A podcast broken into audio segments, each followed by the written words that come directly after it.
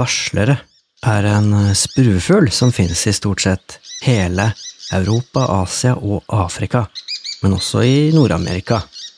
Og i Japan så er brunvarsleren vanlig, og det er til og med en egen underart som kalles for japansk varsler.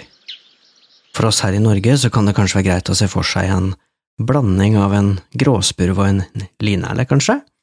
Eh, jeg har også sett navnet Tornsgate på norsk, men jeg er ikke så veldig inn i sånn med artsbestemmelse og den slags.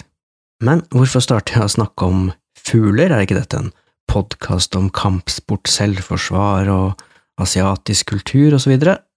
Jo, det handler om at den fuglen her er avbilda på et kjent kunstverk, og det kunstverket har nemlig noe med kampsport og selvforsvar å gjøre, og det skal jeg komme tilbake til i løpet av denne episoden. Men først har jeg lyst til å prøve å beskrive bildet. Det ligger selvsagt et bilde på nettsidene eudomania.no for dere som har lyst til å se dette med deres egne øyne, men her og nå skal jeg likevel gjøre et forsøk på å forklare hvordan dette kunstverket ser ut.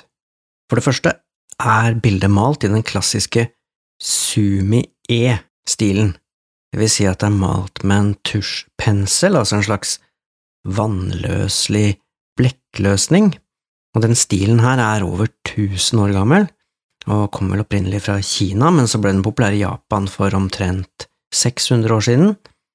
Som regel er disse bildene rektangulære, og den lengste siden da, på bildene er loddrett, og eh, sånn er det med det bildet her også, det er over dobbelt så høyt som det er eh, bredt.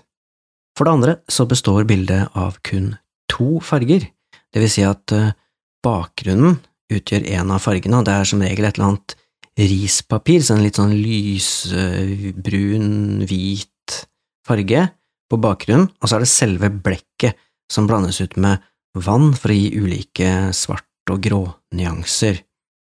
I noen tilfeller så blandes det visstnok inn ulike pigmenter også for å gi litt eh, farger, men akkurat i dette bildet er det kun ulike svartnyanser som gjelder.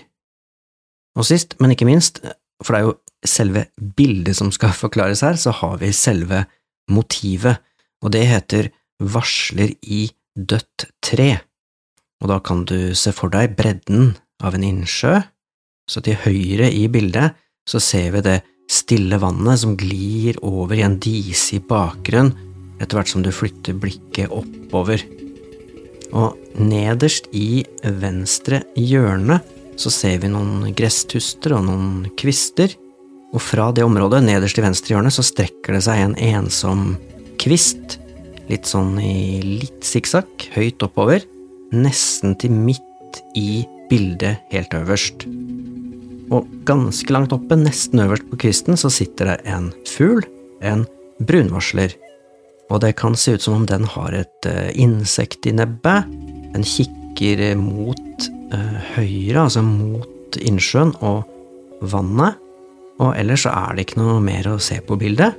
Og du kan si at det utstråler en slags eh, stille harmoni, kanskje. Men det er én detalj på bildet som er litt interessant og det er i denne detaljen koblingen til dagens episode ligger. Jeg heter Arne Midtlund, og du hører på Judomania, en podkast om judo, kampsport og selvforsvar. Og i denne podkasten fokuserer jeg på asiatisk og spesielt japansk kultur og historie, knytta opp mot kampsport og selvforsvar, selvfølgelig. Og før jeg røper hvilken detalj som utgjør en viktig del av bildet, så har jeg lyst til å si litt kort om han som har lagd dette kunstverket. For hvem var det som malte dette bildet? Jo, det var Miyamoto Musashi, og han ble først og fremst sett på som den beste sverdkjemperen i Japan noensinne. Og sånne kåringer er det selvsagt umulig å forholde seg til, for hvilken målestokk brukes egentlig? Han gjorde iallfall et såpass sterkt inntrykk at fortellingene om han er nedskrevet i mange kilder, både fra samtiden hans, som var på begynnelsen og midt på 1600-tallet, og nå i mer moderne tid. Og i tillegg til å kjempe med sverd og vinne flere titalls dueller på liv og død, så malte han altså og han brukte noe av tida si på å skrive, og den mest kjente boka hans heter En bok om fem ringer, og den versjonen jeg har, er oversatt til engelsk i 1974 og til norsk i 1984. Musashi ble født inn i en periode som vi har snakket om flere ganger i denne podkasten, den kalles for Tokugawa-shogunatet, og her var klasseskillet mellom samuraiene og resten av befolkningen gjeninnført, og det var strenge regler for hvem som fikk bære sverd. Dette var en del av eh, kontrollpolitikken, eller ja, den måten Tokugawa-shogunatet forsøkte å kontrollere befolkningen på. Og i den perioden Musashi levde, så var sverdet og bushido med sin æreskodeks en levemåte som var forbeholdt en liten, velutdannet byråkratisk elite. Musashi var en såkalt ronin, det er en eh, herreløs samurai, kan vi si, en uh, samurai som ikke jobber for en bestemt leder, men det vil likevel si at han levde og trente etter alle samuraiens og krigskunstens regler og normer, og det var vanlig at slike ronin gikk rundt som omstreifere, og de levde et liv der dueller på liv og død var en del av den livsstilen de hadde. Og det var i løpet av dette omstreiferlivet at eh, Musashi fikk sin legendestatus. De siste leveårene sine så trakk han seg tilbake til en hule i fjellet, og her viste han seg altså som en stor kunstner og poet. Og inngangen hans til det her var at du kan se veien, altså det som eh, noen ganger kalles for do eller tao, i alt. Og for å utvide sine kunnskaper så oppsøkte han ikke bare sverdmestere, men han eh, tok kontakt med prester og hærførere og kunstnere og håndverkere, fordi han mente at alt det han lærte, hadde stor overføringsverdi alle veier. Og et av de mest kjente bildene hans er altså Varsler i dødt tre, og nå kommer den lille detaljen som jeg nevnte i innledningen.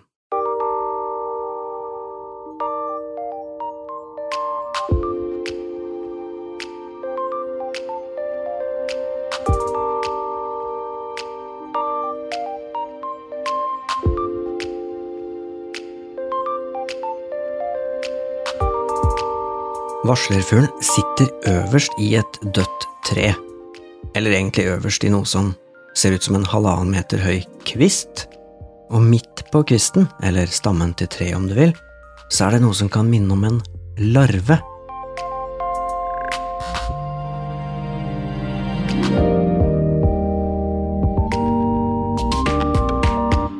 På høyre side av stammen eh, er det malt inn en helt tydelig svart strek, som kan være kroppen til denne larven, og en svart prikk, som kan være hodet. Men hva er det som er så viktig med det, tenker du kanskje?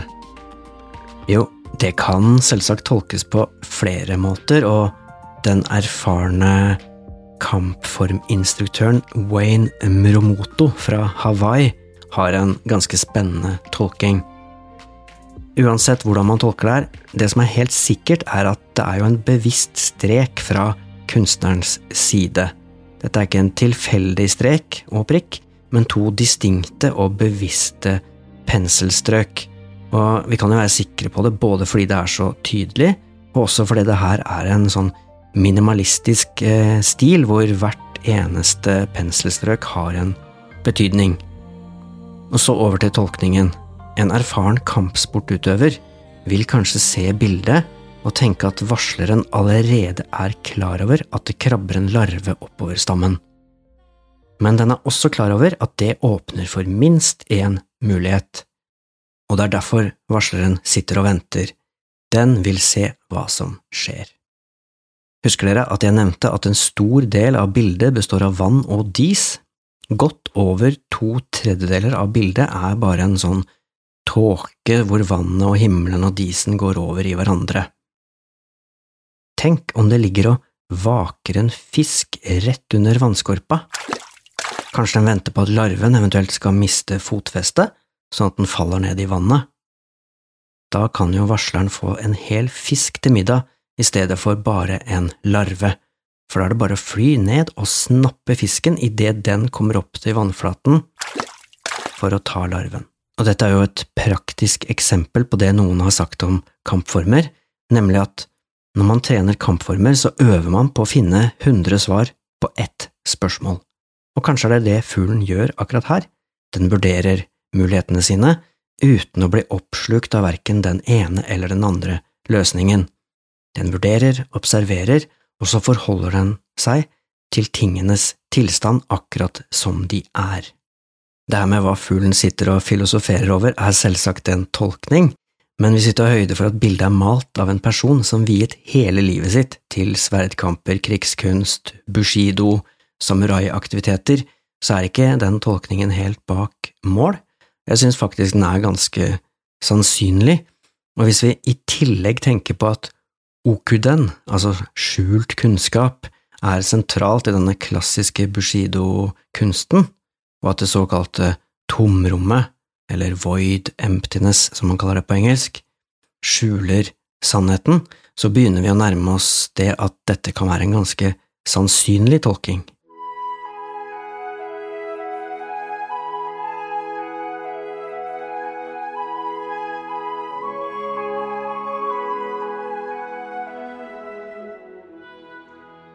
Miyamoto Musashi er altså opptatt av at man skal være her og nå, med bevissthet og oppmerksomhet, med kropp og sjel, kan man kanskje si, og det er nettopp det som er så mye enklere dersom man har planlagt to–tre skritt videre.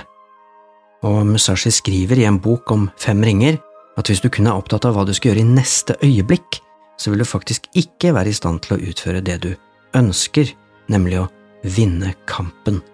Samtidig er boka full av tips om hvordan du skal gå og stå og plassere deg og bevege deg og hvor sola bør stå, og hvilken side av kroppen huset skal være på, dører, og hvordan du skal eh, være årvåken for alle mulige utfall.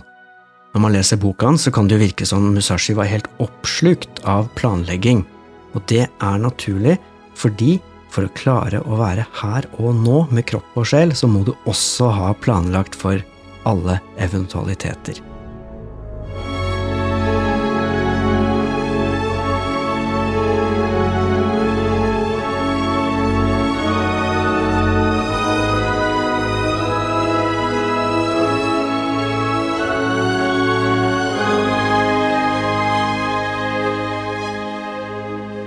For å være her og nå, så er det altså ikke sånn at du ikke skal planlegge, men du må ha evnen til umiddelbart og intuitivt å endre planene underveis, i takt med det som skjer. Og her kan man se en tydelig sammenheng, eller overføringsverdi, mellom trening i kampformer og livet ellers. For å være ærlig så er det jo vanskelig å være her og nå vi lever jo i et samfunn der alt går raskt, der arbeid, skole, fritid og alt vi holder på med, sauses sammen i en stadig større gryte. Og selvpresentasjon og selvrealisering via sosiale medier og på ulike plattformer gjør jo ikke at det stresset og presset her blir noe særlig mindre. Og stadig flere presenterer sitt tilsynelatende vellykkede liv slik at alle kan la seg imponere. Og i dette kappløpet her så blir det en slags evig jakt på hva man kunne ha vært, og tankene er derfor gjerne et helt annet sted enn der du er. Og som seg hør og bør i et moderne samfunn, så finnes det selvsagt masse hjelp å få, og det er ikke mangel på meditasjonskurs, bøker om selvhjelp og mindfulness, send og stoisk ro. Dette blir jo bare enda en ting man burde ha gjort.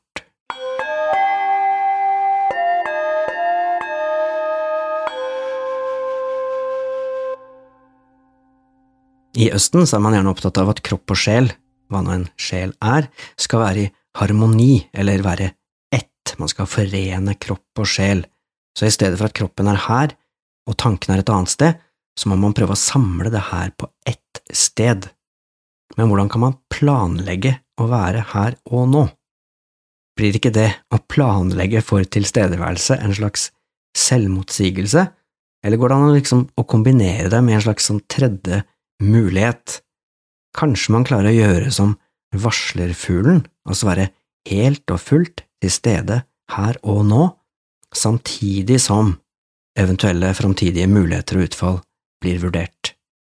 I den klassiske boka Kunsten å krige så presenterer Sun Tzi et tredje alternativ til den klassiske fight or flight-responsen, altså det om å slåss eller stikke av, og det handler nemlig om kontroll.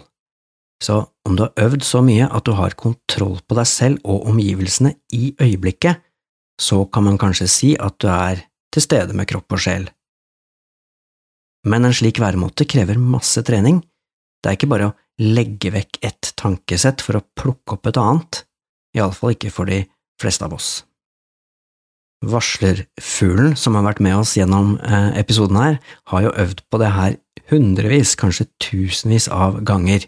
Den er både erfaren og dyktig, den vet akkurat hva som skal til for å maksimere sjansene for å lykkes. Den er forberedt på alle eventualiteter, også det uforutsigbare. Det betyr ikke at den vil lykkes uansett, men den blir kanskje ikke satt ut av andre reaksjoner enn de forventede. Den har på en måte det som vi har hørt i fotballsammenheng ble omtalt som et hovmesterblikk, altså et slags overblikk over hele situasjonen. Og nå nærmer vi oss en kampformtenkning også. For det første, varsleren er på rett sted til rett tid. Den sitter høyt og har oversikt og tid til å reagere, den kontrollerer omgivelsene sine, i alle fall det som kan kontrolleres, og dette er jo som tatt ut av læreboka i de fleste kampformer. Det er også flere elementer kampformer kan bidra med når det gjelder å trene på å være her og nå med både hode og kropp.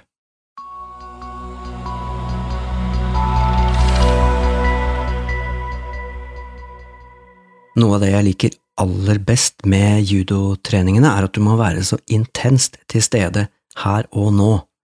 Og for meg så er en judoøkt helt annerledes enn en lang løpetur, for eksempel. På disse lange løpeturene, som i mitt tilfelle sjelden er lenger enn 10–12 kilometer, men uansett, på de lange løpeturene så har jeg tid til å filosofere over livet og familien og jobben og middag og hobbyer og, og mye annet, og jeg kan virkelig gå helt inn i en sånn lang tankerekke når jeg løper. På en judotrening er det helt annerledes. Der må jeg fokusere totalt på den aktiviteten jeg holder på med der og da, og det gjelder selvfølgelig spesielt under randori, altså sparring, men det gjelder også når det er snakk om teknikktrening. Det er rett og slett dumt å planlegge for mye i en judokamp, for da vil du ofte gå i bakken før du vet ordet av det. En judotrening, eller en trening i andre kampformer, kan nesten omtales som en slags meditasjon i bevegelse. Det går ikke an å la tankene vandre mens man trener. Du må være her og nå. Denne tilstedeværelsen, eller kroppsbevisstheten, betyr ikke at man ikke planlegger i judo eller i andre kampformer. Det kan godt hende at jeg har et ønske, for eksempel, om å få til en spesiell teknikk men jeg må likevel hele tiden forholde meg til det som skjer der og da. Kanskje det til og med åpner seg en mulighet jeg ikke hadde tenkt over. Da er det viktig å slå til på den. Samtidig kan det hende at det jeg hadde et håp om å få til, ikke kommer til å fungere, så jeg må altså klare å kombinere det å være her og nå med det å se framover to–tre skritt.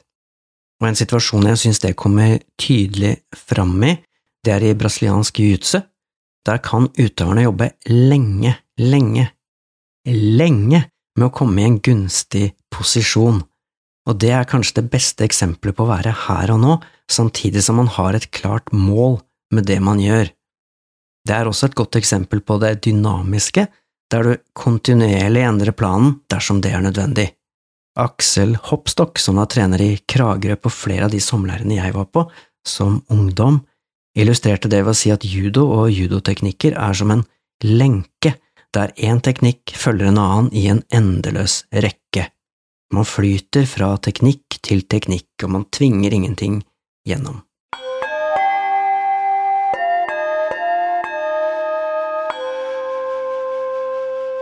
Ironisk nok, eller ikke ironisk kanskje, men litt selvmotsigende, så krever denne spontaniteten og her og nå-holdningen massevis av trening. Det sier seg selv, kanskje, men hvis du har opplevd en situasjon tusenvis av ganger, så er den lettere å takle der og da. spontanitet krever altså masse trening. Og er det ikke det som er så fascinerende når det gjelder kunstnere og enere i alle former og fasonger, enten det er kampsport eller musikk eller idrett? Det ser så lett ut, men det ligger sannsynligvis, og ofte, titusenvis av timer med trening bak. I alle kampformer så gjelder det at man er sterkest, best, raskest dersom man går all in i én retning. Alt fokus, alle tanker, all energi må dreie seg om det ene punktet, nemlig det å løse det problemet som ligger foran deg her og nå. Og det fører til en målretta energi, men det er også viktig at det ikke blir helt hodeløst, at man kaster alt inn uten tanke på konsekvensene. Så her gjelder det å finne balansen.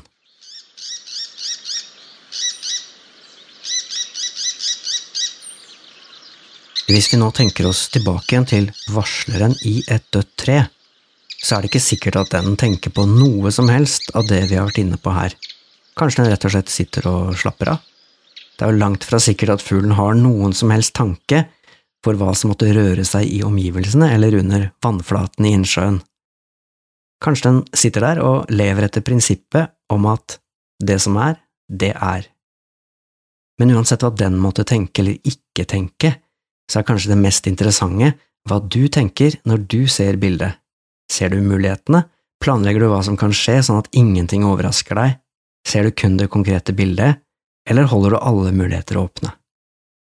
Miyamoto Musashi skrev at den ekte kunsten i kampformene er å trene på en måte som gjør at du kan bruke det du har lært, når som helst, og å trene på kampformer på en måte som gjør at lærdommen kan være nyttig på alle områder i livet.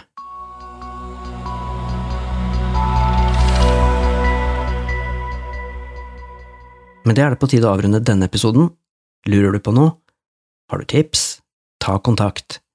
En god start er å gå inn på nettsiden judomania.no – podkast. Der kan du kommentere enten skriftlig eller muntlig, eller hvorfor ikke gjøre begge deler, altså judomania.no – podkast. Det var alt for denne gangen. Takk for at du hørte på. Ha det bra.